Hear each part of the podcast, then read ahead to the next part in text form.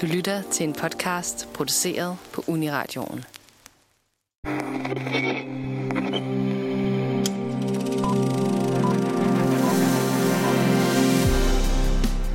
Du lytter til en lockdown-version af filmmagasinet Nosferatu. Vi kan på grund af coronakrisen ikke komme ind i radiostudiet og sende de lydbølger, som vi plejer. I stedet er vi alle, redaktionen, såvel som resten af Danmark, fanget i hver vores domestiske firkant. Og inden for hjemmets fire vægge sker der måske ikke så meget. Eller gør der? Hvilke historier udspiller sig i hjemmet på film og tv? Hvad slags fortællinger ligger de forskellige rum op til? I dag er vi på badeværelset og nærstuderer vores allesammens hjem, kære hjem.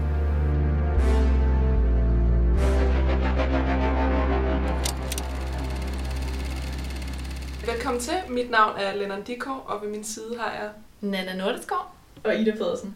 Og i dag der sidder vi på mit badeværelse på Amager. Øhm, der er ret rummeligt, godt med plads. Øhm, og det er jo igen, at vi laver den her øh, hjemmeserie, hvor vi sidste gang var hos Ida. Og nu skal vi som sagt snakke om badeværelset. Jeg synes, jeg er ret godt med plads. Mm. Det er virkelig dejligt badeværelse. Jeg føler, at Jamen jo, tak. og sådan at sidde med jer på badeværelset føles også lidt som om at være til fest igen. Eller altså som om, at ja, vi hænger ud her, og der, der, vi visker lidt om dem, der står på den anden side af døren. Og sådan, vi har vores eget rum. Altså lige om lidt er der nogen, der banker og råber, Kom nu! Ja. Kom ud! To minutter! Og så man sådan, ej, ej, okay, altså det er også bare så irriterende. Altså. To minutter!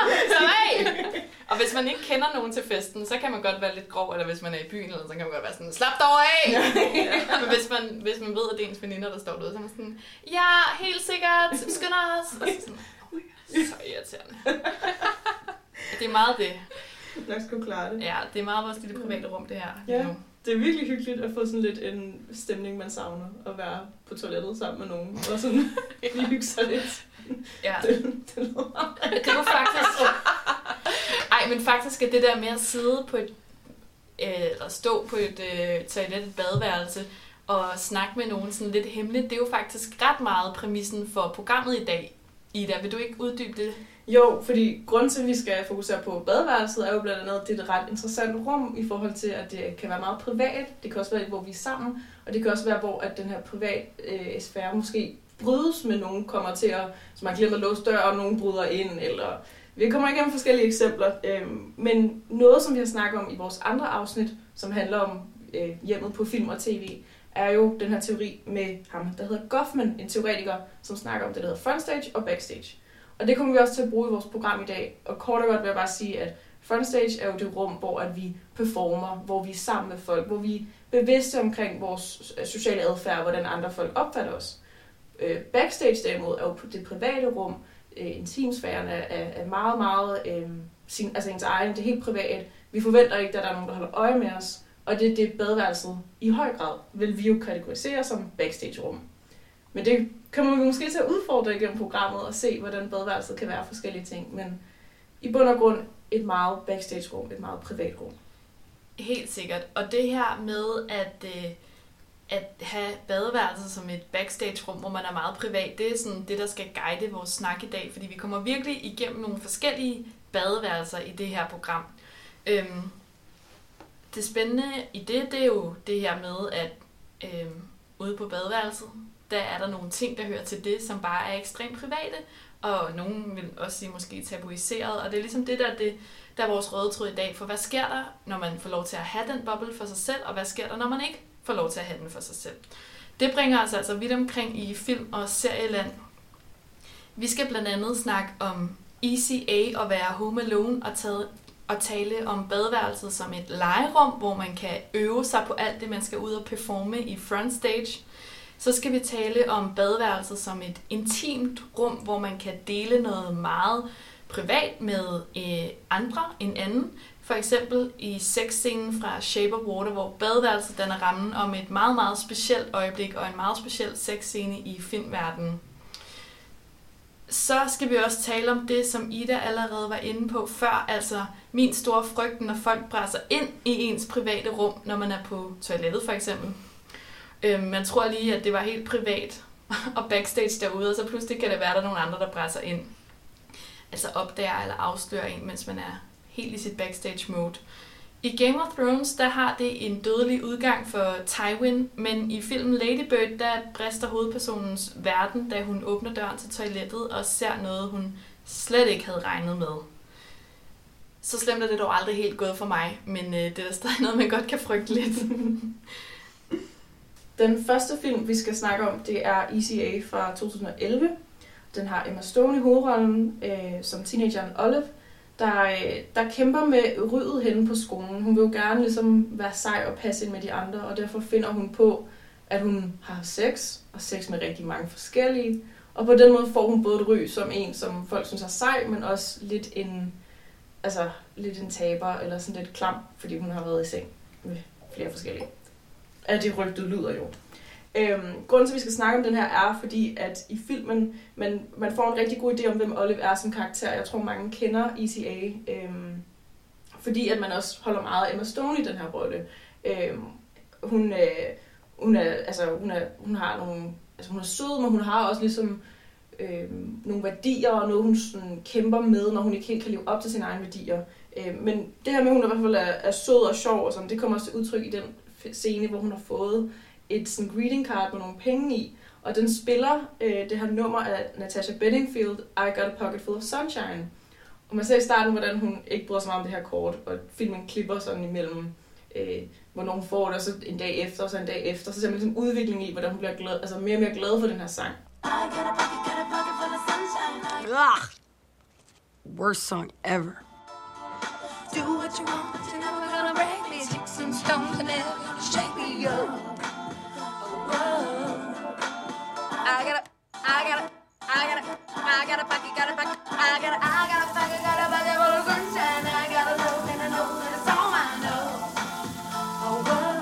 og meget, meget kort er der et klip, hvor hun er i badet, hvor hun så synger, altså I Got a Pocket Full of Sunshine, som bare er utrolig charmerende, og man kan ligesom, jeg tænker, mange kan relatere til den her fornemmelse af at stå i badet og synge. Øhm, og hun sætter sit hår på en sjov måde og bruger, øh, hvad hedder det, brusehovedet som mikrofon, øh, hvor hun ville give den gas til den her sang, hun egentlig i starten havde. Øh, og det, der er så spændende med badeværelset i den her sammenhæng, er jo det der med, at hun performer. Hun står i sit helt eget, men, altså, ja, hun performer, men hun står i sit helt eget rum, hvor hun performer på en måde, som bare er til sin egen glæde. Hun ved godt, hun skal ikke ud og være den nye Natasha Bedingfield, eller nogen, der skal se hende i den her situation, der kunne være lidt pinlig, øh, og, og meget privat, hvis der er nogen, der opdagede hende. Så det er bare ganske kort, at man får den her gode idé om, hvem hun er, som står meget i kontrast til, hvem hun egentlig bliver resten af filmen. Fordi hun virker meget naiv og uskyldig, og altså naiv på den bedste måde, når hun står her og bare er i sit eget rum.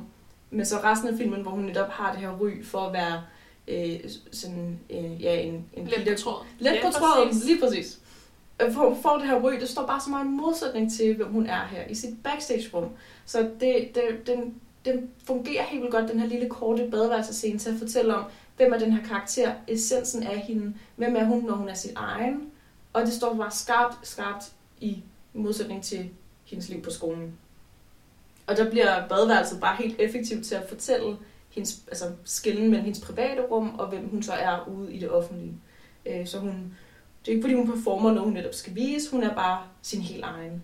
Øhm, Ja, og i virkeligheden er kontrasten, eller sådan konflikten i filmen er på en eller anden måde, hvem hun er i sit backstage-rum, og hvem hun så er i frontstage, fordi alle de her rygter om, at hun er løs på tråden, er ikke rigtige. Altså det er noget, det er fabrikeret, det er lavet for at give hende et sejere ry, eller give hende det her sådan et øhm, grænsesøgende ry over på skolen. Og, og det er bare ret sjovt, at hele den konflikt, den opstår af, fordi hun kommer i skole om mandagen, og så det eneste, hun har lavet, det er at synge ind i bruseren, og øh, høre Pocket Full of Sunshine, og hun har givet sig selv neglelak på, hun har givet hunden neglelak på, hun er, altså hun er vidderlig ikke lavet en skid, og hun hygger sig skide godt, hun er totalt komfortabel i det der backstage-rum.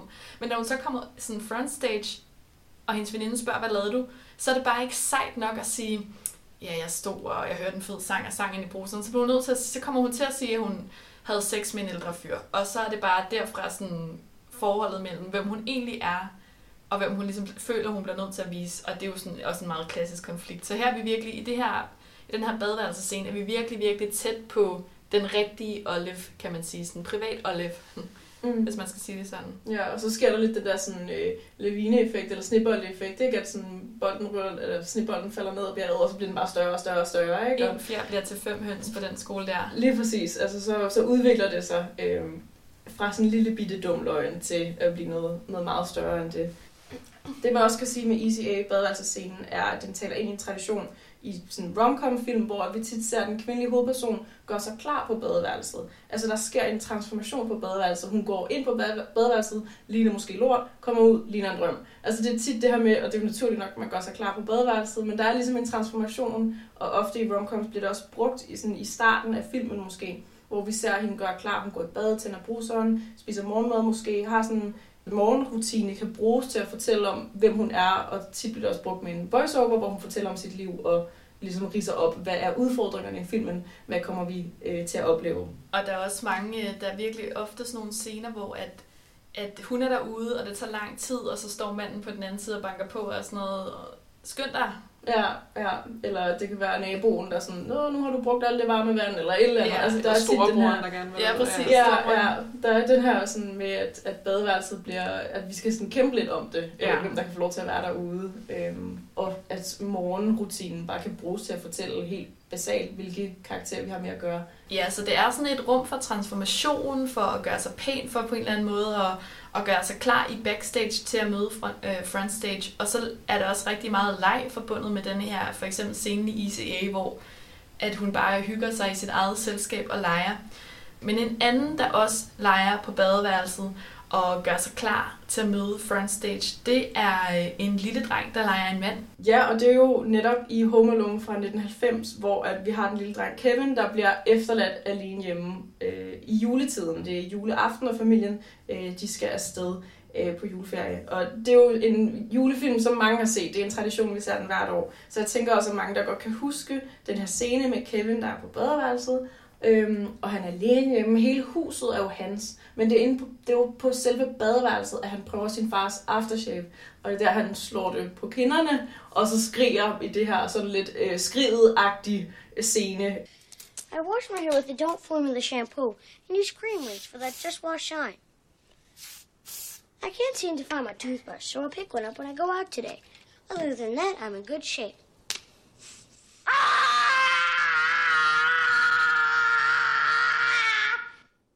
Og grunden til, at han leger med den her aftershave, tænker jeg jo er, fordi han kopierer sin far. Altså han, han står på badeværelset, sit helt eget private rum, og leger på en eller anden måde med forestillinger om, hvem han kunne være i fremtiden, eller hvad det vil sige at være en mand. Øh, nu er han alene hjemme, han kan ligesom lege med det her udviklingspotentiale, øh, som kommer så, så fint til udtryk i backstage-rummet, badeværelset. Det er vel også noget med, at øh, på badeværelset kan man ligesom sådan, man kan også se sig selv, så man kan også ligesom øve sig på at blive set. Så meget. Ja. Der er jo alt, øh, næsten alt, vi har jo alle sammen spejl på badeværelset. Det er jo en af de klassiske elementer, vi har spejlet, så vi kan helt konkret se os selv. Øhm, ja. Jeg kommer, ligesom, jeg kommer også lige til at tænke på en anden badeværelsestrope fra sådan en gyserfilm, hvor man kigger ned, og så når man kigger op, så ser man, at der står en anden i spejlet. Præcis. Det, det er jo også noget, de har brugt i, øh, nu vi taler coronakrise, med, med de her øh, reklamer med Søren Brostrøm, hvor der er en, der er en, der er en teenagefyr, der, der siger, at han, han skal nok ud, og han hoster lidt, men det går, og så ser han Søren Brostrøm i spejlet. Og så tænker jeg, nej, det er bedst at blive ham. Så står Brustum som den her skurk fra en øh, gyserfilm. Den, Som altid Wow. lytter, og som bare kan høre, hvis der er nogen syge, der prøver at gå i byen eller noget. ja. Ja, må stoppe det. helt klart. Så han, ja, han bliver virkelig konfronteret med, at han øh, stadig bare er en dreng, den gode Kevin i den her scene. Mm, han, han performer og øver sig i, hvem han kan være. Øhm, så på den måde får han lov til ja, at lege med sig selv, lege med sine sin forestillinger om sig selv. Det, er- det er virkelig fint. Skal vi videre til nogen, der ikke bare leger med sig selv, men også øh, leger med hinanden. Ej, for helvede. Okay. øh, ja, fordi det er jo øh, Shape of Water fra 2017, øh, som, som jo også vandt Oscar for bedste film. Det er sikkert mange, der kender den. Øh, men det er den her film om en, øh, om en døv kvinde, som arbejder på noget videnskabelig bygning, øh, som rengøringshjælpen. Og så finder hun den her, den her fiskemand, som, øh, som er spadet inde, og der højst sandsynligt bliver lavet eksperimenter på, og så videre. Øhm, og plottet er jo, at hun, hun hjælper den her fiskemand med at slippe fri, og de jo så senere bliver forelsket. Øh, og så kommer der den her, øh, jeg vil sige meget ikoniske øh, badeværelsescene, hvor, hvor de her to, de har, de har sex, og de, øh, og de tænder for alle vandhanerne, så badeværelset det bliver helt fyldt op med vand, og de er under vandet og, øh, og har det her øh, intime sammen.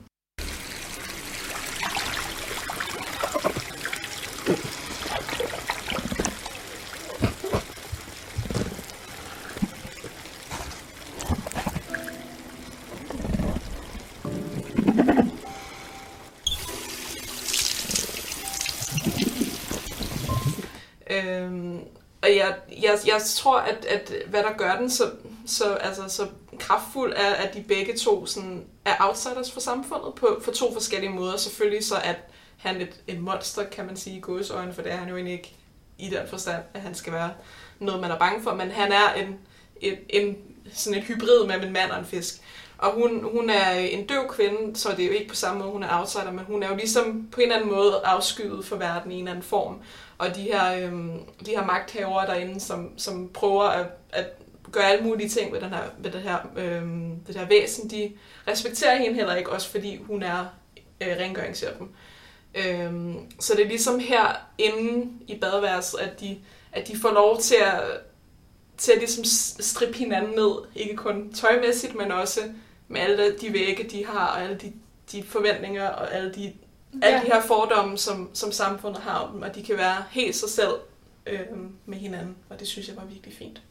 Så dejlig en scene. Mm. Øhm, men og igen også meget sådan, selvom at de, altså, ja, de leger med hinanden, men det er også meget fantasifuldt alligevel. Altså, hvis vi tændte vandet her, og var sådan, nu oversvømmer vi det her lokale, det vil jo ikke ske, fordi der er jo, altså, selve døren vil der jo komme hun, ligger, hun tager lige, øh, hun tager håndklædet, og så ligger mm. hun det lige nede ved døren. Altså, jeg ved ja. ikke, om det kan lade sig gøre, men det er også det, jeg synes, det er så fint, altså det, ved den der scene, at det er virkelig bare sådan et, et flygtigt øjeblik, de kan have sammen, fordi de hører til, han hører til et andet sted, og hun er også altså en outsider. Hun kan ikke høre, være inde i hans vandverden, så hun bliver ligesom nødt til at sådan, hun tager en dyb indånding, og så skubber hun sig sådan ned i vandet til ham.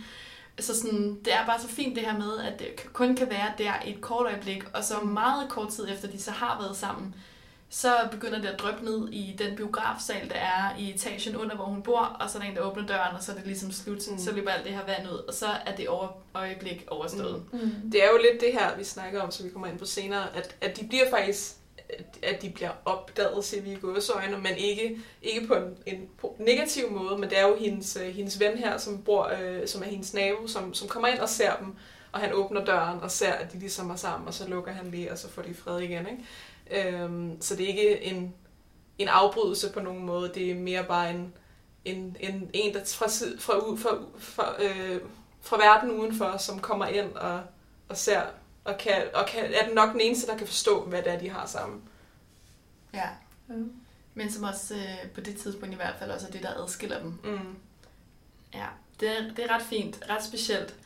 Jeg, jeg tænker altid på, at jeg så den, mens jeg var på udveksling i USA, og, og det er jo lidt specielt det her med, at han ikke er et menneske øh, sådan helt fuldstændig, og der er en ret ikonisk også scene, hvor hun så beskriver, hun snakker med sin veninde om det her samleje, eller det her, der er sket på badeværelset, og altså, hun kan jo ikke snakke, så det er svært at beskrive, hvordan hun har ligesom sine hænder sådan her øh, sammen som en kop, og så åbner hun dem sådan, og så tager hun sådan sin finger og stikker den ud, sådan, sådan, som om hun er sådan, det var sådan, vi havde sex, eller sådan, det kunne han godt, fordi han havde sådan en lille ting, der lige kunne komme ud, agtigt, som er ret grineren, men det var bare ret sjovt, fordi altså, det er jo fint og også lidt mærkeligt, men inde i filmens univers at, han jo en, en flot, flot fiskemand.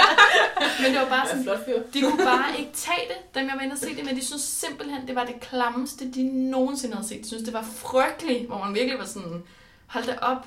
Eller sådan, ikke engang på filmens præmisser kan man være sådan, ej, det var faktisk et ret fint øjeblik, men de var, jeg synes bare, det var ulækkert. Mm. Det er stadig ulækkert. Men det har jeg også hørt efter i forhold til Oscars med, ja. med, den, med den vand. Men jeg synes jo bare, det var, altså, det var jo smukt i forhold til til hvad filmen prøvede at sige, og hvad det univers, der eksisterede inde, inde i filmen. Ikke? Mm. Helt sikkert. Og det er jo også det her, vi snakkede om morgenrutinen før. Der er jo faktisk også en lille morgenrutine i starten af filmen med hende her øhm, kvinden, som spiller sig Sally Hawkins. Øhm, med, det her, med det her æggeur, hun sætter, når hun skal i bad. At der er sådan en helt fast rutine, som hun gør. Og det her æg, det går selvfølgelig igen, når hun fodrer den her fiskemand med æggene. for, øhm, for, for at få hans tillid. Så der er også, jeg ved ikke, man kan forbinde det med fertilitet, men der er et eller andet med, med det der æggeur og med hende, hendes, hendes, også hendes dagligdag, som det er totalt ændret, og kun, kun til det gode selvfølgelig, i forhold til, at hun endelig finder noget ro med en, der forstår hende. Er det ikke også noget med, at når man ser den der morgenrutine, så har hun også, hun sætter ikke ud, og så ude på badeværelset, så masturberer hun også? Ja. Så sådan, der er ligesom sådan, det er lidt sjovt, at man allerede på det tidspunkt har været sådan, det der rum har noget seksuelt for hende. Mm. Eller det er der, hun gør det. det ja. Jo, det, altså det, og det tænker jeg også, altså badeværelset også kan rumme selvfølgelig Mhm. seksuelle relationer mellem, mellem flere, og selvfølgelig også bare enkelte individer. Altså der er et eller andet med det der med, at du kan låse døren, ikke? Altså der er også, jeg tænker, andre hjem, så nogen har selvfølgelig vokset op måske med, at man har haft en lås på sin egen dør, og der er nogle steder, hvor, vi, altså, hvor andre folk ikke har det, ikke? Så det er jo sådan, men på badeværelset vil der næsten altid være en lås, så derfor er værelse, altså badeværelset bare per definition sådan, måske det mest private rum. Øhm, ja, hvis ikke man er vokset op med en lås på døren selvfølgelig. Øhm, men, men i forhold til Shape of Water, det er jo så fint det her med, at de faktisk, de er inde på badeværelset, men de laver også, altså de transformerer også, hvad badeværelset er, i forhold til, at de fylder det helt med vand, så de laver det jo også ligesom til et akvarium, men ligesom i deres eget, altså på deres egne præmisser, bruger de badeværelset, som faktisk ikke længere sådan, ikke at det bliver noget andet, men det gør det lidt alligevel, når nu det fyldes helt med vand. Øhm, det er meget fint, at, at der må være det her enkelte moment, hvor at de her to meget ulige partnere faktisk kan blive lige, eller kan fungere sammen. Øhm, enormt smukt fortalt. Mm, virkelig fint. Det her med, at de, at de bliver ikke afbrudt, de bliver jagtaget øhm, i den her øh, sexscene, det kan man følge lidt videre til, til nogen, der, der faktisk bliver afbrudt øh, på toilettet. Ja, fordi det er jo ret sårbart det der med at være på toilettet, fordi man netop er sådan helt inde i sit eget backstage-rum. Og jeg ved, altså det er i hvert fald noget, jeg selv frygter at blive afbrudt på toilettet en gang imellem, fordi det bare er sådan et akavet. Men i Game of Thrones sæson 4, episode 10, der har det faktisk en decideret dødelig udgang, som det jo ofte har i den serie. Øhm, her er det Tywin Lannister, som er patriarken, som sidder på toilettet, og Tyrion, der åbner døren med en armbryst, og øh, det har en, et fatalt endeligt. Øhm, Game of Thrones, jeg kan ikke lige huske præcis, hvad der sker på det her tidspunkt, men humlen i den her konflikt mellem Tywin og Tyrion, det er, at Tyrion altid har været det sorte får i Lannister-familien, fordi han er væksthæmmet, og øhm, så er der også en kvinde, som har valgt øh, fra Tywin over Tyrion og svigtet Tyrion. Så, øh, så der er sådan, øh, altså så lang tid har Tyrion bare været det sorte får og fuldstændig sådan afvist af sin far, øhm, Tywin. Og Tywin er den her totalt klassiske overhoved patriark. Øhm, han, han ser ret fantastisk ud. Han ligner virkelig sådan, han har lidt hule kinder, sådan blondt hår, blond, hvidt blondt hår. Tywin er spillet af Charles Dance, som også spiller Lord Mountbatten i The Crown på Netflix. Så han har det her sådan lidt, som man forestiller sig, sådan lidt aristokratiske look.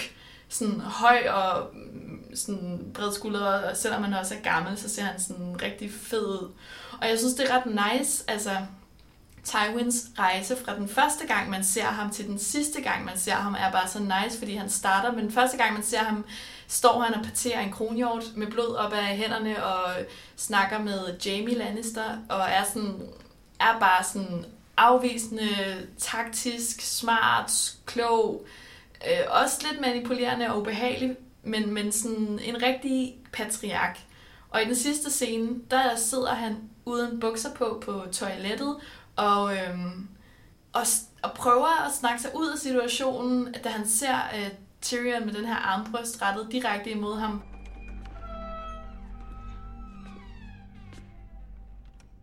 Tyrion.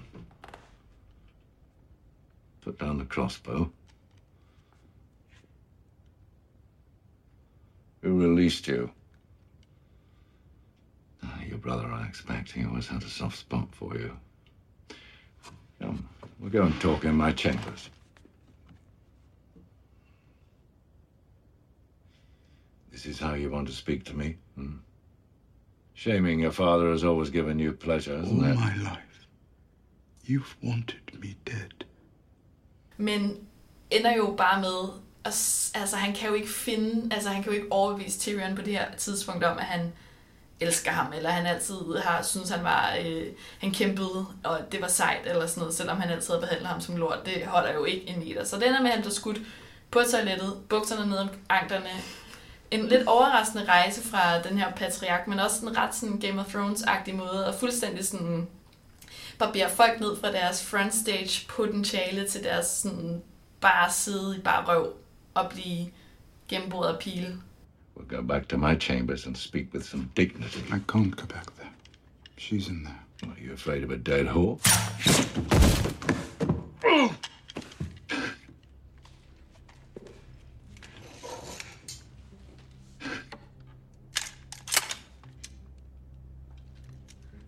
You shot me. Men ender jo bare med, og, altså han kan jo ikke finde, altså han kan jo ikke overbevise Tyrion på det her tidspunkt om, at han elsker ham, eller han altid har synes han var, øh, han kæmpede, og det var sejt, eller sådan noget, selvom han altid havde behandlet ham som lort. Det holder jo ikke en meter. Så den er med, at han bliver skudt på toilettet, bukserne ned om anklerne. En lidt overraskende rejse fra den her patriark, men også en ret sådan Game of Thrones-agtig måde, og fuldstændig sådan barberer folk ned fra deres frontstage potentiale til deres sådan bare side i bare røv og blive gennemboret af pile. Ja, det er virkelig uværdig måde at dø på. Det er den mest sådan- uværdige måde at dø på. Ja, det er virkelig sådan den grimmeste måde, man kan slå en karakter ihjel. Specielt i, også i Game of Thrones-universet, er bare sådan, okay, han sidder og skider, og så bliver han skudt.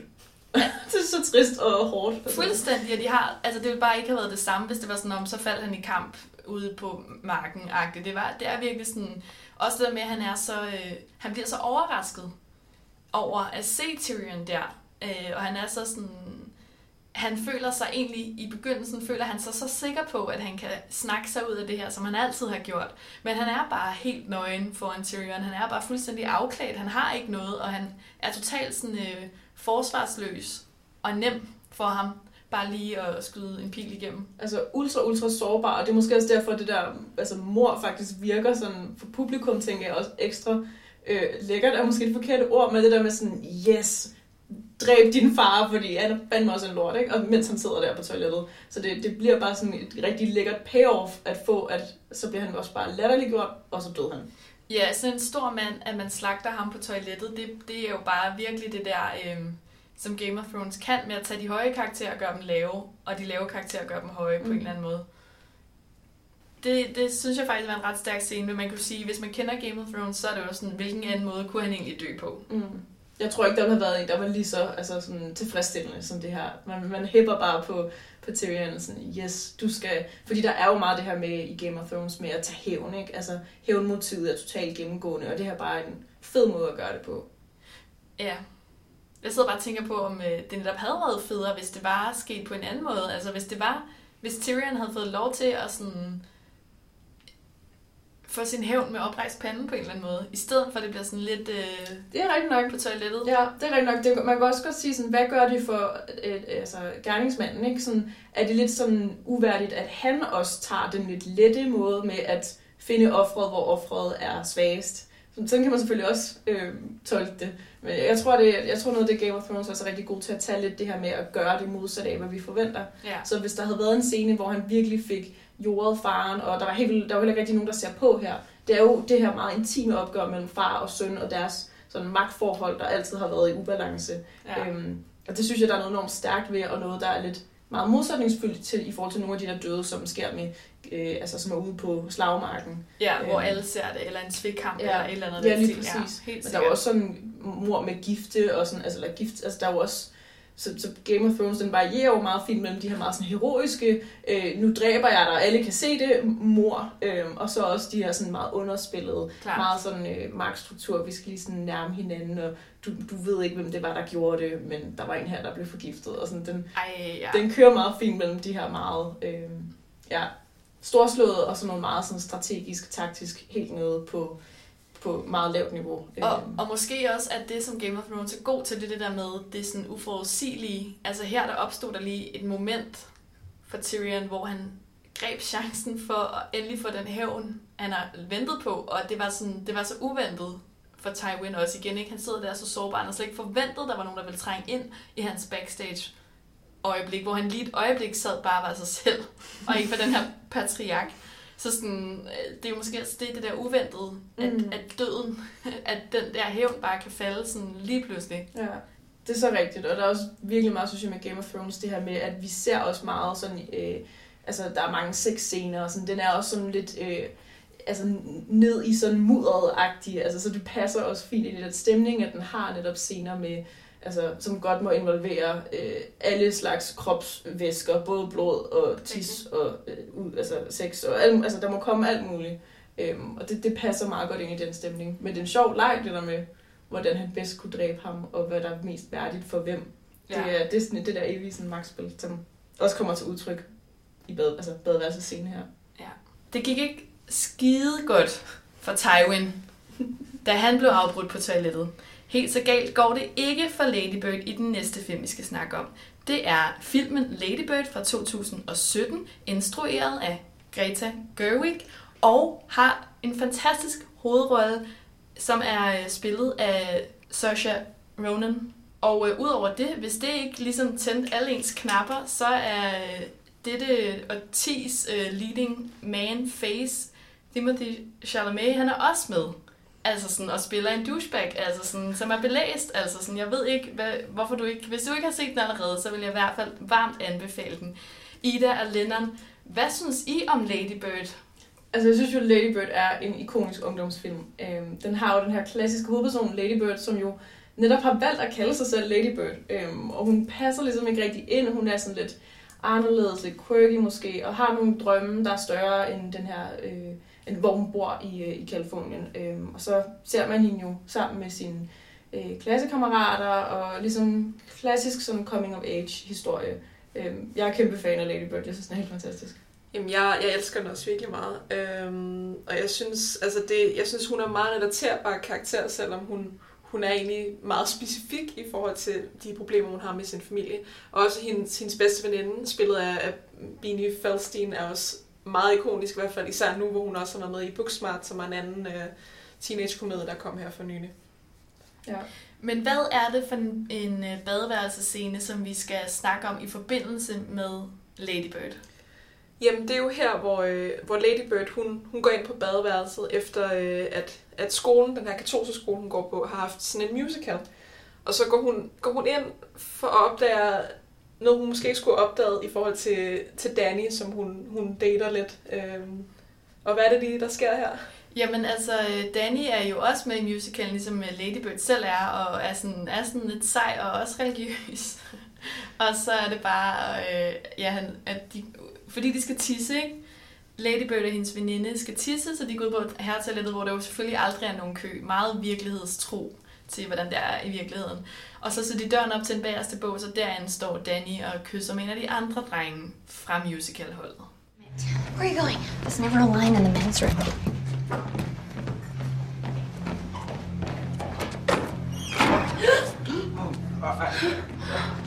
Oh my god. Det blev utroligt, altså det, det er sådan, man hører dem bare sige sådan, altså sådan, den helt klassiske afsløringsscene på badeværelset, ikke? Hun ser noget, hun ikke skulle have set. Øhm, Og lige sådan en dør, lyden af sådan en dør, der lige siger sådan, smak, ja. og, sådan, og så klip til og hun næste vender bare om med det samme og går i den modsatte retning, ikke? Hun ser noget, der ligesom chokerer hende, og så trækker hun sig.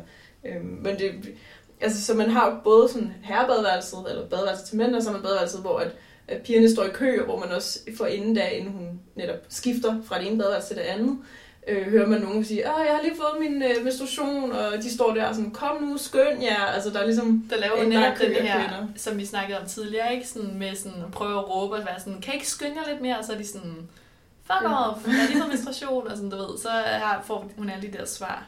Det er også det hele den øh, problematik, hvor man kommet omkring, hvis man bare havde lavet nogle kønsneutrale Mm. badeværelser. Ja, præcis. Altså, Så havde man måske ikke set sin kæreste kysse med Så havde hun aldrig fået sandheden at vide. Men de, igen ikke, de kunne også bare have låst den der bås. Ja, og det er klassisk også det der med, at man kommer ind og glemmer at låse, ikke? Jo, Altså, altså, fordi de havde så travlt med det, de Ja. skulle, altså sådan forståeligt. ja. Det er...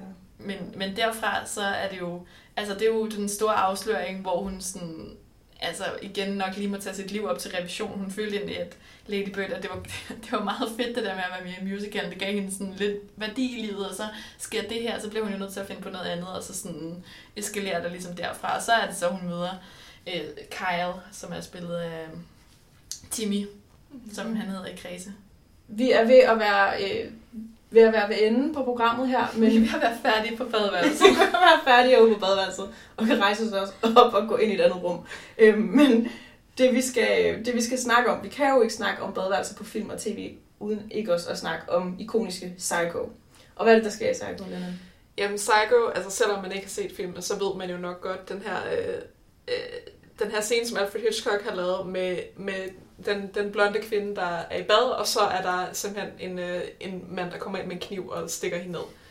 Øh, virkelig ikonisk. Øh, og jeg tror, det har for min, altså for min side, det har været min største frygt i flere år, at jeg, jeg tjekker altid, om jeg låser døren, og jeg tjekker altid, om der er nogen bag øh, badrummet. Ja. Simpelthen, det kan jeg slet ikke. Øhm, noget, jeg synes, der var lidt øh, interessant, er, at Psycho, det faktisk er den, øh, den første amerikanske film nogensinde til at vise et toilet på film. Og det er også den første film, hvor man kan høre et toilet, der skynder ud. Så det er jo, gør den måske bare endnu mere ikonisk for alle film generelt. Meget. Og så er der jo også den her score, som også er bare sådan Ja, helt er- fantastisk. Ja, som jeg tænker alle, uanset om man er filmnørd eller ej, vil kende og forstå den reference. Mm. Og være sådan, Nå ja, det er badeværelset, den smukke kvinde, der er nøgen, hun bliver dræbt. Igen det der med det allermest sårbare moment, hvor man står, og hun har endda sådan lidt lukkede øjne, sådan bruservand og sådan noget, ikke? og så en helt nøgen, så bliver myrdet der. Det er da... Ja. Igen lidt ligesom øh, Game of Thrones spiller på kontrasterne. Ikke? Vi har den her meget smukke kvinde, der ligesom burde være i sit eget rum, være i sin backstage, og så mordet på badeværelset. Så det er ikke fordi... Så det på en eller anden måde kan man måske sige, at Game of Thrones også trækker nogle paralleller her tilbage til noget filmhistorie, hvor folk er blevet dræbt på badeværelset. Så hvis vi skal gå fra en psycho til en anden, øh, hvad skal vi snakke om nu, Ida? Ja, vi skal snakke om American Psycho fra år 2000, øh, hvor vi har Christian Bale i rollen som Patrick Bateman, også en meget ikonisk og genkendelig film. Øh, og det, der er interessant ved American Psycho i forhold til badeværelset, er jo, at øh, karakteren Patrick Bateman, han har en meget speciel morgenrutine. Han er jo meget nøjagtig og meget øh, rutinepræget. Hvad er det egentlig, han har gang i, Nana? Jamen, det er ret interessant. Man ser ham først, altså, øh, man ser den her morgenrutine i den her hvide lejlighed. Han er nøgen, bortset fra, at han er sådan, har nogle hvide underbukser på, og så laver han den her morgenrutine, som han sådan fortæller ind over. Og i lang tid ser man ham kun øh, sådan fra sådan perspektiv sådan trekvartagtigt over skulderen hvor man sådan følger ham rundt i lejligheden, og så går han ind. Hvis han, han starter med at gå ind og sige, at hvis han er lidt, øh, hvis han er sådan lidt puffet i ansigtet, når han vågner, så tager han sin ismaske på, så laver han øh, mavebøjninger, han kan lave tusind, så går han ind på badeværelset, så vasker han sig først med en sæbe, body ting, og så noget andet, og så noget andet, og noget tredje, og det er sådan meget specifikt, øhm, og så bagefter, så er der så, øh, så, han så øh, laver han ansigtsmasker, og han har sådan særlig sådan en, ja, som jeg tror måske de fleste, der har set film, kan huske. Han har sådan en ansigtsmaske, som jeg tror, der er noget mint i, som han øh, smører på, og den skal så sidde i 10 minutter, mens han lige laver noget andet, og så tager han den sådan af, og det er ligesom sådan, man kender det, sådan nogle ansigtsmasker, der bliver stivner, og så skal man pille dem af i sådan et langt lag ned fra hagen op, og det ser bare freaky ud, det her ekstra sådan, nærmest lag hud, han sådan piller af, og det siger jo bare så meget om, hvem at den karakter er, og det her med, at han gør det så sådan, han gør det så præcist, han gør det så ensformigt, og så også det her med, at han, når man så ser, vi ser ham bagfra, han kigger på sig selv i spejlet hele fucking tiden. Han kigger på sit eget spejlbillede i plakaterne og i, altså, i hvad hedder sådan, øh, glasset ude i badeværelset, han kigger i spejlet, han kigger på sig selv med det her sådan helt intense sådan, nøjeren blik, og det, er sådan, det synes bare, det viser så godt, hvem man er.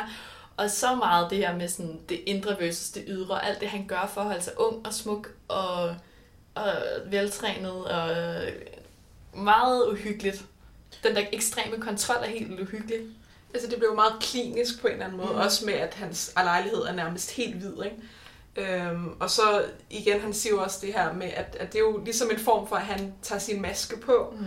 i forhold til at gå ud i verden, fordi han siger, at han, han er der faktisk ikke. Han, han, føler, han føler ikke de her, de her følelser, som andre mennesker de føler normalt, siger vi i Guds øjne. Øhm, så det siger jo meget om, om, om hans, hans personlighed og hans mentale tilstand, kan man sige. På en eller anden måde er det sådan, at han holder sammen på sig selv. Han siger sådan, der er en illusion om, eller der er en idé om en, Patrick Bateman, men det er ligesom sådan, for at blive et menneske, der kan møde andre mennesker i frontstage, så skal han lige i- sæt, altså gøre alle de her ting ved sig selv, sådan, for at kunne møde verden på den der måde. Ej, jeg synes, øh, jeg synes det er ret fedt lavet, den måde, det bliver vist på. Så morgenrutinen bliver en måde at præsentere karakteren på. Altså helt, hvis vi kan trække tråd tilbage i starten af afsnittet. Der er nok ikke så mange ting at sammenligne mellem øh, American Psycho og Easy A, andet end at den her sådan, badeværelsescene præsenterer, hvem karakteren er. Øh, og det bliver i specielt i American Psycho fortalt sådan helt øh, i små detaljer netop, hvor detaljeorienteret han selv er. Øh, og det er jo bare mega fedt, at man igennem badeværelsescenen morgenritualet kan præsentere, hvad er det for en karakter, vi har med at gøre med allerede fra starten af filmen. Og så er hele den der verden og hele det der univers handler jo så meget om overflade og anonymitet og de der jakkesæt og altså så det er sådan et tema, der går igennem hele filmen, som han bare ligger under for sådan 100%, eller han udtrykker med sin krop 100% i den der rutine der. Vi startede vores afsnit med at betragte badeværelset som et legerum, øh, hvor der er plads til at udfolde sig, og til sidst her er vi jo kommet til øh, lidt dystre med død og, og mor på badeværelset, så vi er jo kommet vidt omkring, øh, vi lavede en tour de force omkring øh, badeværelset på film og tv, øh, og der er jo mange flere at tage fat i, øh, men vi må hoppe videre til næste rum. Det næste rum, vi skal snakke om, er soveværelset. Øh, men tak fordi du lyttede til Filmmagasinet Nosferatu. Mit navn er Ida Pedersen. Jeg hedder Nana Nordeskov. Og jeg hedder Lena Dikko. Lyt med også til vores næste afsnit. Fedt. Hov, mit ryg. Ja.